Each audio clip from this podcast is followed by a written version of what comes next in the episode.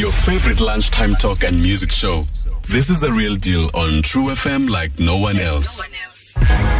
It's 12 minutes emva ku-1 o'clock namhlanje ke kwidialogue yethu we are joined by Bradley Maseko founder and youth marketing strategist for branded youth and ke bona ke benza uh, relationships between brands and the youth market sinange youth culture ke namhlanje Bradley thank you so much for your time and welcome to True FM Uh, thank you very much, eh, and thanks a lot for having me on the show. All right. First of all, before we move on, Make, si, si jonge youth culture. What is it exactly? I think youth, youth culture is very simple and yet complicated in the Mm, same way. So when you when you look at youth culture, you're looking at at, at um, young people, how they behave, how they think, their attitude, perceptions, and basically the things that they believe in and their their thought process. So it's, it's a it's a whole branch of things, um, but you, you can't sum it up into one simple thing. It's a whole bunch of things that make up this thing that we call the youth culture. All right. So, looking at some of the negative but popular things um, that we see in youth culture today, uh, talking about substance abuse, I'm talking about blessers, I'm talking about the party scene. How would you say that? You know, that sort of lifestyle poses a threat or a challenge in terms of progression, in terms of young people succeeding, in terms of, of them get, uh, moving from one level to the next. Yeah, I think um, if, if we have to come back, because we, we recently just did a, a study on this whole um, perception and the whole notion of, of blessers and blessings, uh, how it works. And it, it's quite interesting in the sense that, well, we did it uh, in, in, in two provinces. So we did it in Gauteng and we did it in the Western Cape.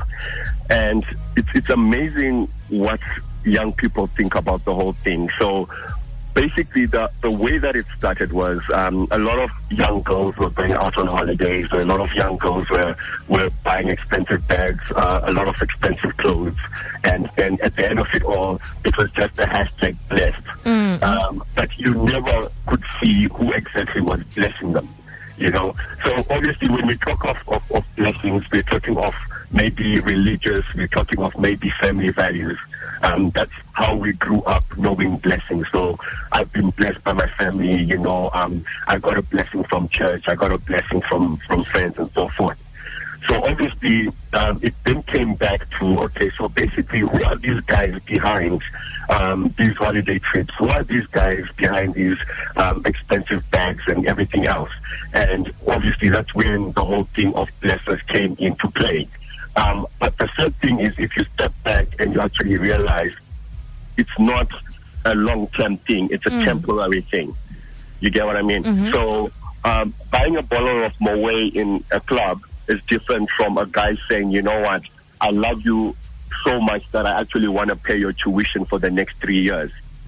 You get what I mean? Um, taking you on holiday to Dubai is different from a guy saying, you know what, I love you and I have faith in you, and I know someone who is going to call you to interview you for this job because I've told them that you're the right person for the job. Mm-hmm.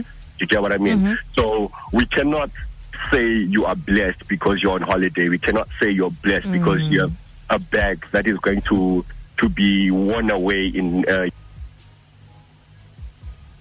all right ingathi ke ubradley sawuphinda simfumane ingathi ke uyaqhawuka ubradley but i just want to uh, ukubuya kwakhe sijonge ezinye izinto mhlawumbi that we might be preoccupied with singabantu abatsha es- e- e- ezisisa kwantshabalalo uya understand? I mean things that are that are popular but really are, aren't good for us and then sijonge with the positive positive aspects also of the things esipreoccupied ngazo. And most because uh, uh, when I AJ uh, as abantu abacha, uh, it seems like as soon as the into sifaka ibe popular, into esifuna ukuyilandela sonke eh, loo nto leyo, and it seems to like seems to be like a craze. It just it, it just it, it just possesses us like you know demons or something like that. But yeah, I think you got Bradley back on the line, man. Yes, we do uh, have Bradley back on the line. Bradley, um, could you just tell us some of the things that we are preoccupied with in youth culture as as young people that really aren't good for us?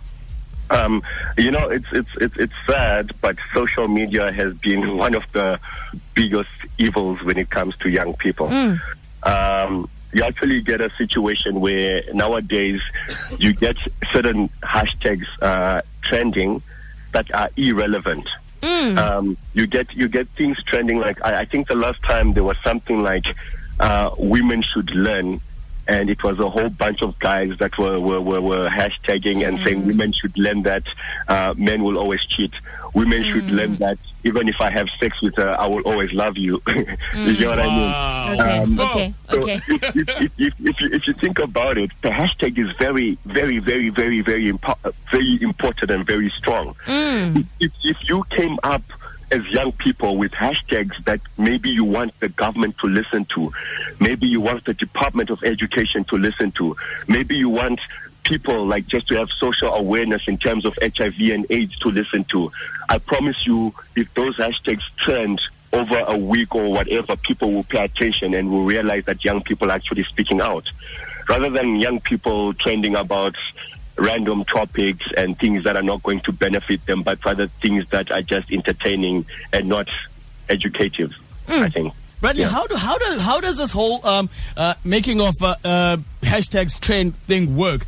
Um, who how who initiates these things? How how do they get to a uh, to a point where you've got one hashtag that's trending and uh, you'll see that another hashtag is trending uh, is not trending. Uh, the positive ones don't seem to be trending It's as much, trend. but you get the ones that are like I, I still love you even if I'm having sex with you. I'm still lo- I still love you. They're trending. How does that work?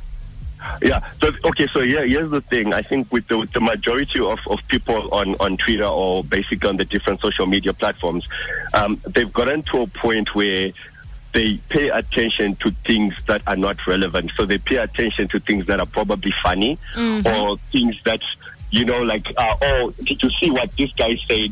Or I can't believe this is trending. So listen to this.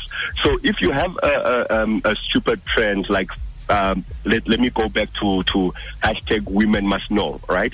Um, you're going to get people asking, why is women must know trend? And then you get someone saying, oh my gosh, I can't believe women must know trend. So the more, the more people actually put the hashtag and question it, and the more people actually ask why the hashtag is trending, um, they actually don't realize that they're actually contributing to the hashtag trending.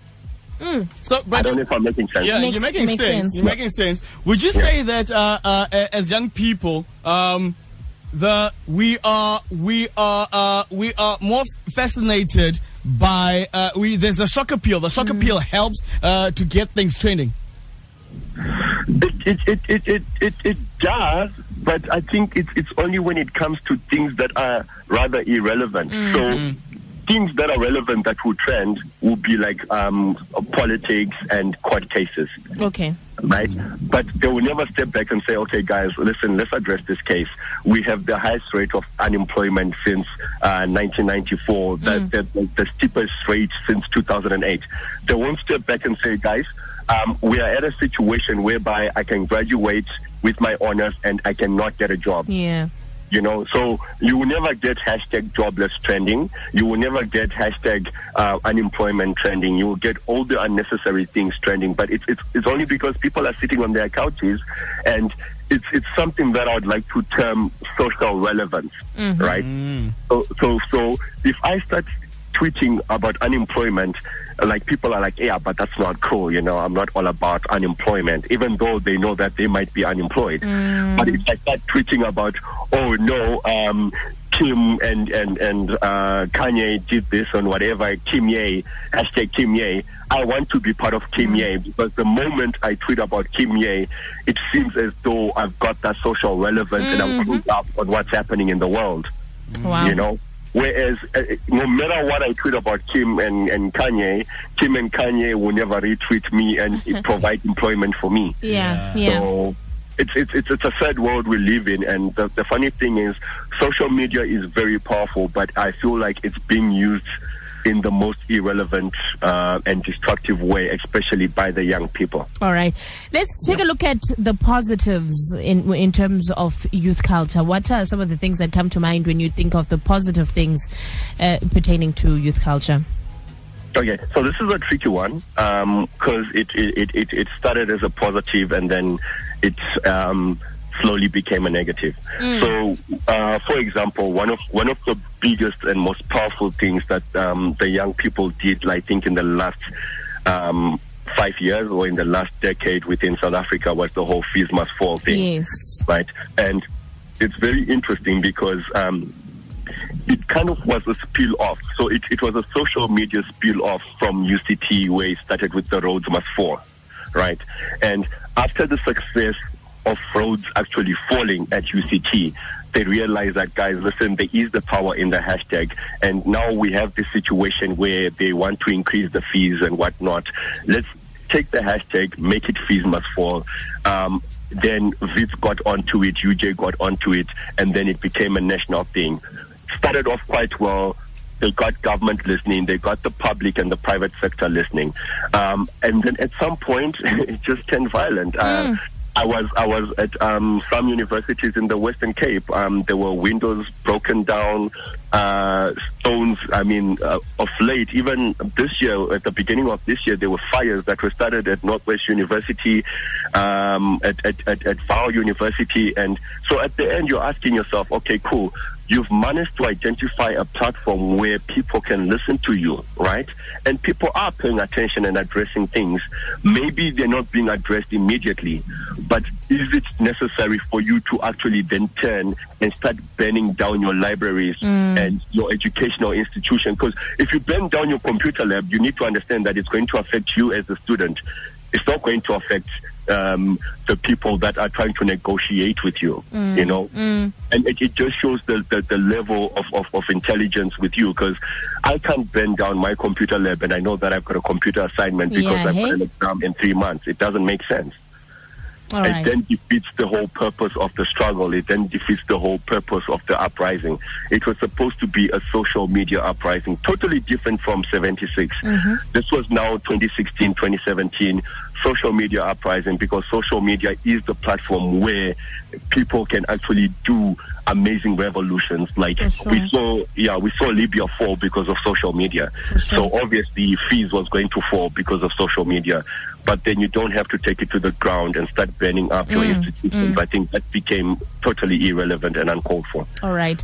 Well, lastly, Bradley, we are commemorating 40 years since the Soweto uprisings uh, tomorrow. So, what do you think that we as today's youth can learn from the class of 1976? Um, I think I'll, I'll, come back to, to, to education. Mm-hmm. And um, with education, I'll, I'll, I'll put um, uh, empowerment on top of it. So basically, if I come back to uh, branded youth, our key focus is um, engage, educate, and empower. Right. Okay. So we, we are at a point where it's it's now more than just the education. We need to step back as young people and say, okay, look, what structures can we communicate across to to to to, to both public and private sector, whereby they know that by the time we've finished and by the time we have our degrees and everything else, we can at least be guaranteed of a job. What skills development do I need? Do you get what I mean? Mm-hmm. You can graduate today with an honors degree. They will tell you, oh, lovely, you have a degree. We need three years experience. Yeah. You know what I mean? So yeah. now, how, how could you get that three years experience while you're getting your degree? It doesn't mm. make sense. It doesn't make sense. So we need structures in place whereby people are actually going out and getting their degrees while at the same time they're actually getting that three-year experience yes. that they need. Whether it's um, two or three hours uh, per week at, a, at an institution or at, at some firm or whatever, but at least by the time you're done with your degree, don't just go out and say I have a degree. Go out and say, look, I have the degree, I did my hours of experience, and I'm now ready for the market. I'm Let ready. me go in. All right. You well, Bradley, thank you so much for your time and for talking to us at True FM. Oh, not a problem. Thank you very much. Eh? All right. Bradley Maseko is the founder and youth marketing strategist for Branded Youth. The Real Deal, 12.30 to 3 p.m. Weekdays on True FM like no one else.